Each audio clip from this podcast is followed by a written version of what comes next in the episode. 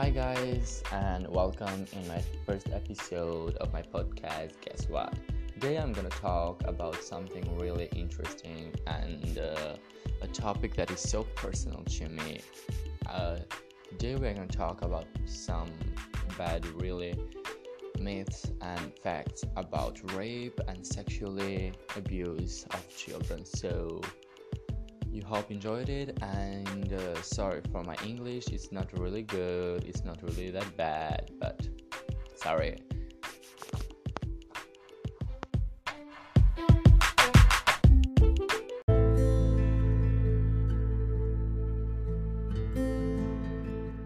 Sexual assault is a term referring to a spectrum of uh, assault rape, attempted rape, innocent, indecent exposure, um, date rape, and for sexual contact. All are, are against the law.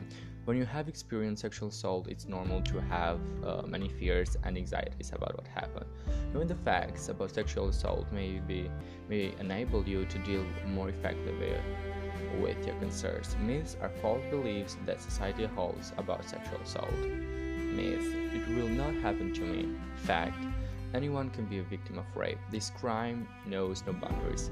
People hold strongly to this myth because it offers them a false sense of security. And the truth is, people of all ages, races, um, religions have been victim of rape. Uh, myth: only a woman can be raped. It, in fact, men also can be victim of rape. Faced with a gun or knife, most people will think only of surviving and not of actual sexual assault. Men have been victim- victimized by individual male, gang rape by a group of male, or in rare instances by a woman. Myth uh, Rape is a sexual crime where the attacker is see- seeking sexual gratification. Rape is a victim of violence in which sex is used as the weapon. The rapist attacks the victim seeking power and control. Satisfaction is gained from dominating um, and um, and degrading the victim. Rape is never a crime of passion. Myth rape happens in dark areas by a strange man who jumps out of bushes. Although some rapes do, do happen in dark, uh, secluded areas, the, ma- the majority of rapes happen in around your home. Um, statistics also show that strange rapes are few in number. It is much more likely that you'll know your assailant. Rapists can be anybody. Rapists are usually outcasts from our society. It's a myth. In fact, most rapists appear to be normal men in our society. Most rapists are young and um, are either married or having ongoing normal sexual relationships. Rapists come from all races, socio-economic groups, etc. Means rapists are easily to easily identifiable by their physical appearances, actions, or words. There is no standard mental or physical profile that defines a rapist. A rapist can be someone of an, any age, race, economic background, belief system, or culture. Although the stereotype of the of deranged stranger rapists abounds in our society. Stranger rapes are only make up um, 20% of all sexual assault, and even then, the stranger may not be having, not be a mentally disturbed person. The vast majority of rapists are people the victim survivor knows, people she he sees in day-to-day life. Myth: If a woman dresses sexy, she's asking for it. Again, people believe the myth so that they do not have to admit they too could become a victim. The, the thought process being, I do not dress sexy, so I will never be, the, be raped. The fact is that a woman has the right to dress in any way she chooses. Her choice of clothing in no way grants permission or invites rape. This thought process can also be applied to uh, other myths such as she was raped because of the places she goes, the people she hangs out, or the amount of makeup that she wears. No victim has ever asked to be raped. It is important to remember that rape is the responsibility of the rapist, not the victim. Myth most rapes are interracial. Statistics show that you are much likely to be raped by a person of the same racial background. Um, women fantasize about being raped. It is true that we all fantasize. Fantasize are situations in which we have control to continue or end any given moment. Rape, on the other hand, is a situation in which we are not in control. It is important to remember that is undesirable, aggressive act with a person with whom we are not in consenting sexual relationship. Myth: If a woman would just fight, they could avoid being raped. In fact, when fa- faced with fear, people react in a variety of ways. Rape, rapists often mentally overpower a victim by using threats of violence, death, or injury to the victim's children or loved ones. When faced with a gun of knife or knife, most people freeze. All victims do the best they can to withdraw and survive the attack.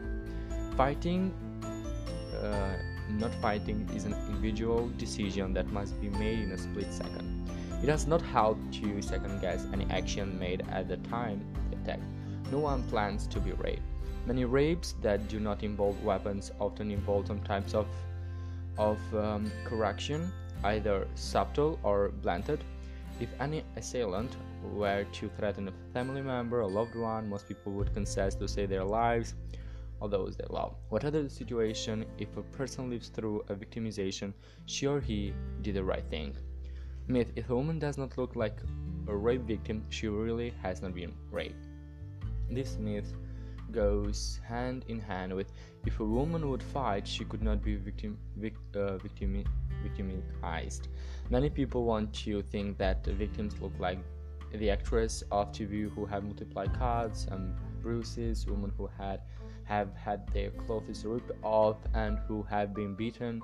In reality, people who have been uh, um, raped do not fit any visual stereotype. People react differently. This myth helps foster the false sense of security people have when they believe that they could have avoided the same situation by doing something differently. The fact is, a woman who resists can be raped, and that a woman can be raped victim and not have any outward signs of victimization.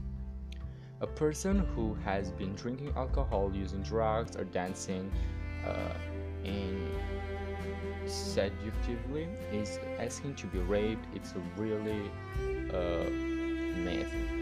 Fact is that no one ever asked to be raped. For sex to be legal, both parties must be of age and consenting. Both parties must be able to mentally, emotionally, physically, and verbally choose to engage in the sexual activity. Vulnerable behaviors do not excuse the criminal behaviors of another person. The sexual appearances and or or um, something else do not equal consent.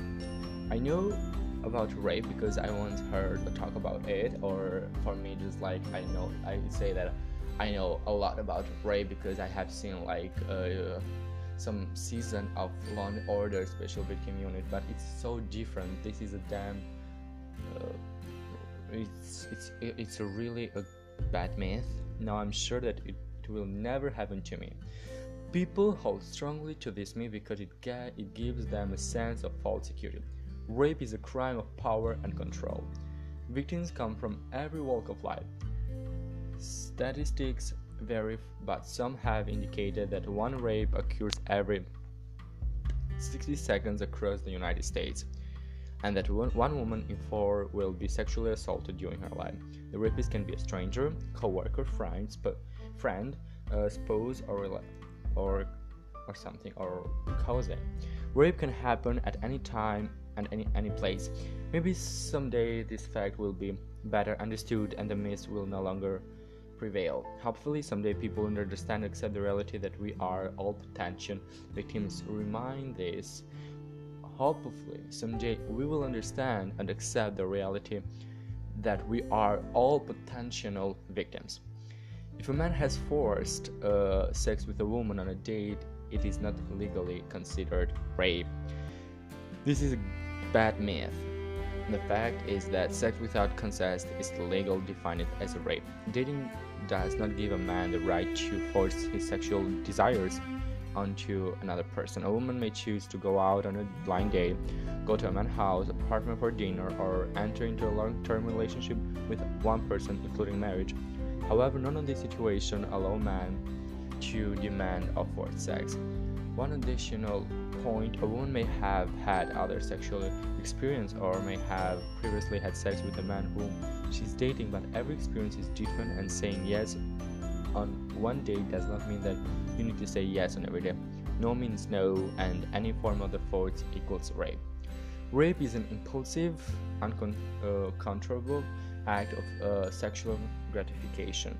This myth is sustained by those who argue that most rapes are spontaneous, that is a sexually frustrated man sees an attractive woman and just can't control himself, or it is a man that cannot control himself. And um, in fact, the majority of rapes are planned rather than being spontaneous. The rapist does not choose the victim because she's young, pretty, or well dressed. He chooses a woman who is vulnerable. He may select a woman who is smaller or weaker than he is, who is alone, uh, or who does not suspect what is about to happen. All evidence indicates that rape is a brutal act of violence and a, a display of power rather than the act of passion or sexual gratification. Uh, child sexual abuse myth child sexual abuse is a rare thing. Child sexually abuse is unfortunately not a rare occurrence. It is estimated that um, approximately one of every four females and one of every six males experience some form of sexual explanation as a children. Uh, myth children are usually molested by, by strangers. 84 percent of children are molested by someone they know, example family members, cousins, neighbors, or family friends. Offenders look for the opportunity and access to children. The child will always feel, uh, feel bad toward offender. The role of offender plays uh, in the child life may be vital, that is, they may be a close family member or someone in a position of trust. The abuse occurring will be very confusing to the child because of shame, lies, and isolation that follows. The child wants the abusive behavior to stop, they don't want to lose the hope for protection and caring that is their right. It is important to be aware that many different feelings that the victim may be experiencing are to rec- and to recognize their loss of the child faced because of the offender's exploitation of trust. Okay, child children lie about sexual abuse Chil- children do not have the explicit, explicit uh, sexual knowledge necessary to describe um, they have not experienced. Children do not have the cognitive capacities to make stories of sexual abuse. If children lie about sexual abuse, it is most often to say that it did not occur in order to protect the offender or the family unit.